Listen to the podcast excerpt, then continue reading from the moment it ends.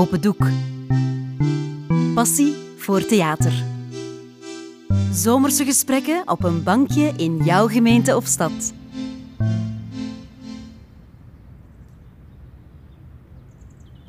Hé, hey, broer, Dag zus. nooit gedacht dat ik u hier zou tegenkomen. Nee, dat kan ik me voorstellen.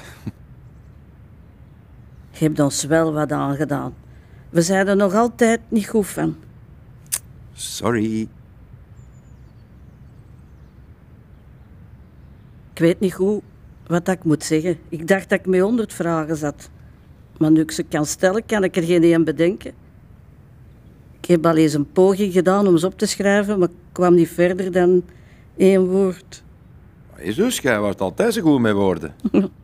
Ja, al die brieven die jij mij vroeger schreef toen, toen ik dat jaartje in Mexico woonde. Ja. Ja, al die vragen hoe het daar was, of ik al vriendjes had gemaakt, of dat ik al welke, welke smaken ijzer verkochte, of ik al de merengue kon dansen. Elke brief, hè, dat, leek, dat leek precies een interview. Deze is anders. Elke brief die toverde een glimlach op mijn gezicht. En die bracht mij toch een stukje dichter bij u en, en bij de rest van de familie. Echt? Ja, een zonnestraaltje dat door de wolk van heimwee brak. Daar had ik helemaal geen idee van. Dat jij heimwee had. Ik dacht echt dat je de tijd van je leven beleefde en dat elke dag een feest was. Ik schreef die brieven om te voorkomen dat je me zou vergeten en zou beslissen dat het daar plezanter was dan thuis. Ik was echt bang dat mijn grote broer niet meer zou terugkomen. Tja, het was natuurlijk voor mij gemakkelijker om alleen te schrijven over de leuke dingen. Hè. Maar ik dacht ook dat dat, dat ook was wat, wat, dat jullie wilden lezen. Ja, ik, ik wou niemand ongerust maken door te vertellen hoe zwaar dat was en, ja, en misschien was ik ook te trots. Ik dacht dat ik mij in een andere omgeving anders zou voelen, dat ik eindelijk het grote avontuur zou beleven en, en dat ik mezelf zou bevrijden door mijn grenzen te verleggen. Maar dat was niet. Ik voelde me daar ook alleen. Ik denk dat ik die eenzaamheid heb meegenomen in, in mijn koffer. Echt? Tja. Zo zie je maar dat je iemand nooit echt kunt kennen. Ik ken u blijkbaar toch niet zo goed als dat ik dacht. Ik weet eigenlijk niet meer wie je bent. Eh, ik ben nog altijd dezelfde. De grote broer die lachte om al uw grapjes. En degene die altijd klaar stond om, om uw wilde plannen mee uit te voeren. Weet, je, weet je nog dat je weg wilde lopen van thuis met die kano? ja. Ja, je had hem al helemaal volgeladen met ons tent, slaapzakken. Zelfs een kampeervuurtje om je eigen kostje mee te koken. En je kunt nog geen ei bakken. Ja, nu dat je het zegt. Ik had er alleen niet bij nagedacht dat een extra passagier wel eens te veel gewicht zou kunnen geven. Weet je nog? Voordat we de bocht op waren gepeddeld, begon die kano al water te maken. We moesten hem de kant optrekken en met hangende pootjes en natte voeten terug naar huis. Ja. Maar we wijken af. Je bent er nog altijd goed in om mij af te leiden en me op te vrolijken, maar je vlucht ook weg van de essentie. En die is? Dat je ons in de steek gelaten hebt en dat ik daarom verschrikkelijk kwaad op u ben. Misschien is het probleem niet dat je niet weet wat vragen, maar dat je me eigenlijk eerder iets wilt vertellen. Ach, weet je, ik ben niet de hele tijd kwaad. Het zijn zo van die golfbewegingen van colère, verdriet, schaamte, onrust, noem maar op. Alle gevoelens passeren de revue. Wat vooral heel ambetant is, dat is dat die gevoelens mij overvallen op de meest onverwachte momenten. Onlangs stond ik naast het veld te supporteren voor de voetbalmatch van onze Jasper.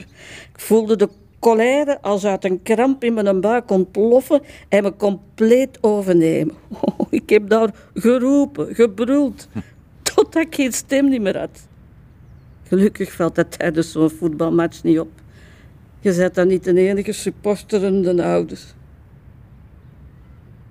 Maar jij had dan moeten staan om je petekind aan te moedigen. Ik weet niet goed of die colère alleen voel om een eigen of voor onze Jasper.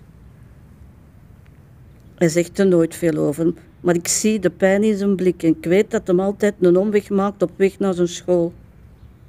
Hij wil niet meer voorbij uw huis fietsen.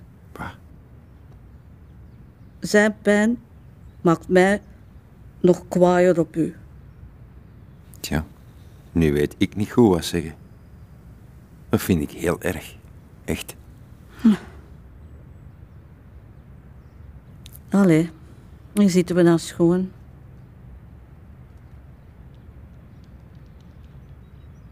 Och, ik ben niet alleen kwaad te pazen. Ik voel me eigen ook heel verdrietig. Ik ben mijn beste maat kwijt. Ik had juist het gevoel dat ik alles kon vertellen. En ik wou dat jij dat ook bij mij had kunnen doen. Ik voel me eigen daar heel schuldig over. Ja, maar jij moet je toch niet schuldig voelen? Dat was mijn keuze.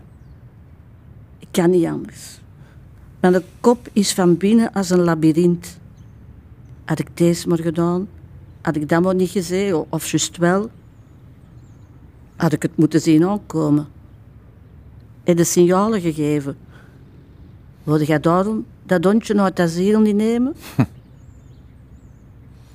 Allemaal vragen die ik me altijd opnieuw stel, maar die mij nooit naar de uitweg brengen. Ik bots altijd weer op een murke of een spoor dat doodloopt. Dat moet heel vermoeiend zijn. Ja, dat is het ook. Ik word er zo meug van. Maar ik kan er niet mee stoppen. Elk flinterke informatie probeer ik van voor naar achter te bezien. Op zoek naar een verklaring. De enige vraag die overblijft is... Waarom? Waarom heeft het eigenlijk gedaan, broer? Waarom heeft ons niet om hulp gevraagd? Dat is een lastige vraag. En ik kan er u geen antwoord op geven. Ik kan u wel zeggen waarom dat ik eigenlijk nog zo lang gewacht heb. Ik heb volgehouden. Ik, ik, ik wou Jasper zijn geboorte meemaken. Ik wou, ik wou zijn eerste nieuwjaarsbrief horen. Jij, jij hebt mij ook geholpen. Ik heb mij vastgehouden aan, aan elke strohalm die je mij hebt aangereikt, zonder dat je het zelf wist. Ik heb mij opgetrokken aan elk sprankje hoop dat het morgen anders zou zijn.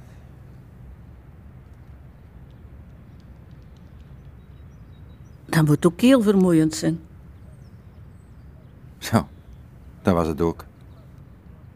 En op een gegeven moment was, was het op, denk ik. Ik liet het leven los, ik, ik, ik liet u los. Sorry daarvoor, maar... Weet je dat ik ondertussen de ra een vat vol bizarre weetjes en feiten geworden zijn? Als ze er een quiz over zouden organiseren, win ik zeker de hoofdprijs. Wat valt er dan zo al te weten? Wisten dat de brug over de Yangtze-rivier in China de meeste zelfdodingen kent. Nee. En dat de Golden Gate Bridge in San Francisco op nummer 2 staat. Ze willen daar een enorm groot anti-zelfmoordnet onderhangen. Van 2,7 kilometer lang, dat 190 miljoen euro zal kosten. Molly. En in Japan is er een bos waar dat mensen speciaal naartoe reizen om zelfmoord te plegen. Echt? Ja, dat komt door een bekende roman schijnt. De Zwarte Bomenzee. Waarin dat twee geliefden hun eigen van het leven beroven. Dat inspireert anderen blijkbaar. Het woord zelfmoord, hè, dat is zo hard. Ja. En uzelf van het leven beroven, zo vreemd. Alsof dat er iets te stelen valt. Ja, ik heb misschien wel een stukje geluk in de toekomst van jullie gestolen, ja, maar... In ieder geval, ik ben uit het leven gestapt en er is geen weg meer terug. Hoe moeten we naar verder, broer? Probeer de volgende keer in uw labyrint geen uitweg te zoeken. Maar probeer om mij te zien. Ik zal er staan. Ergens achter een hoekje, wanneer dat je me het minst verwacht. Ik ben er nog altijd voor u.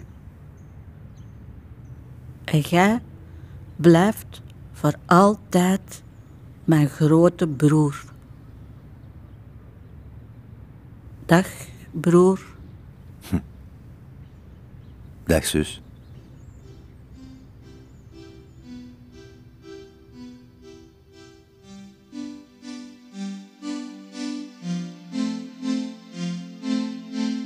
Dit was Dag Broer van schrijver Jessie Hamvas.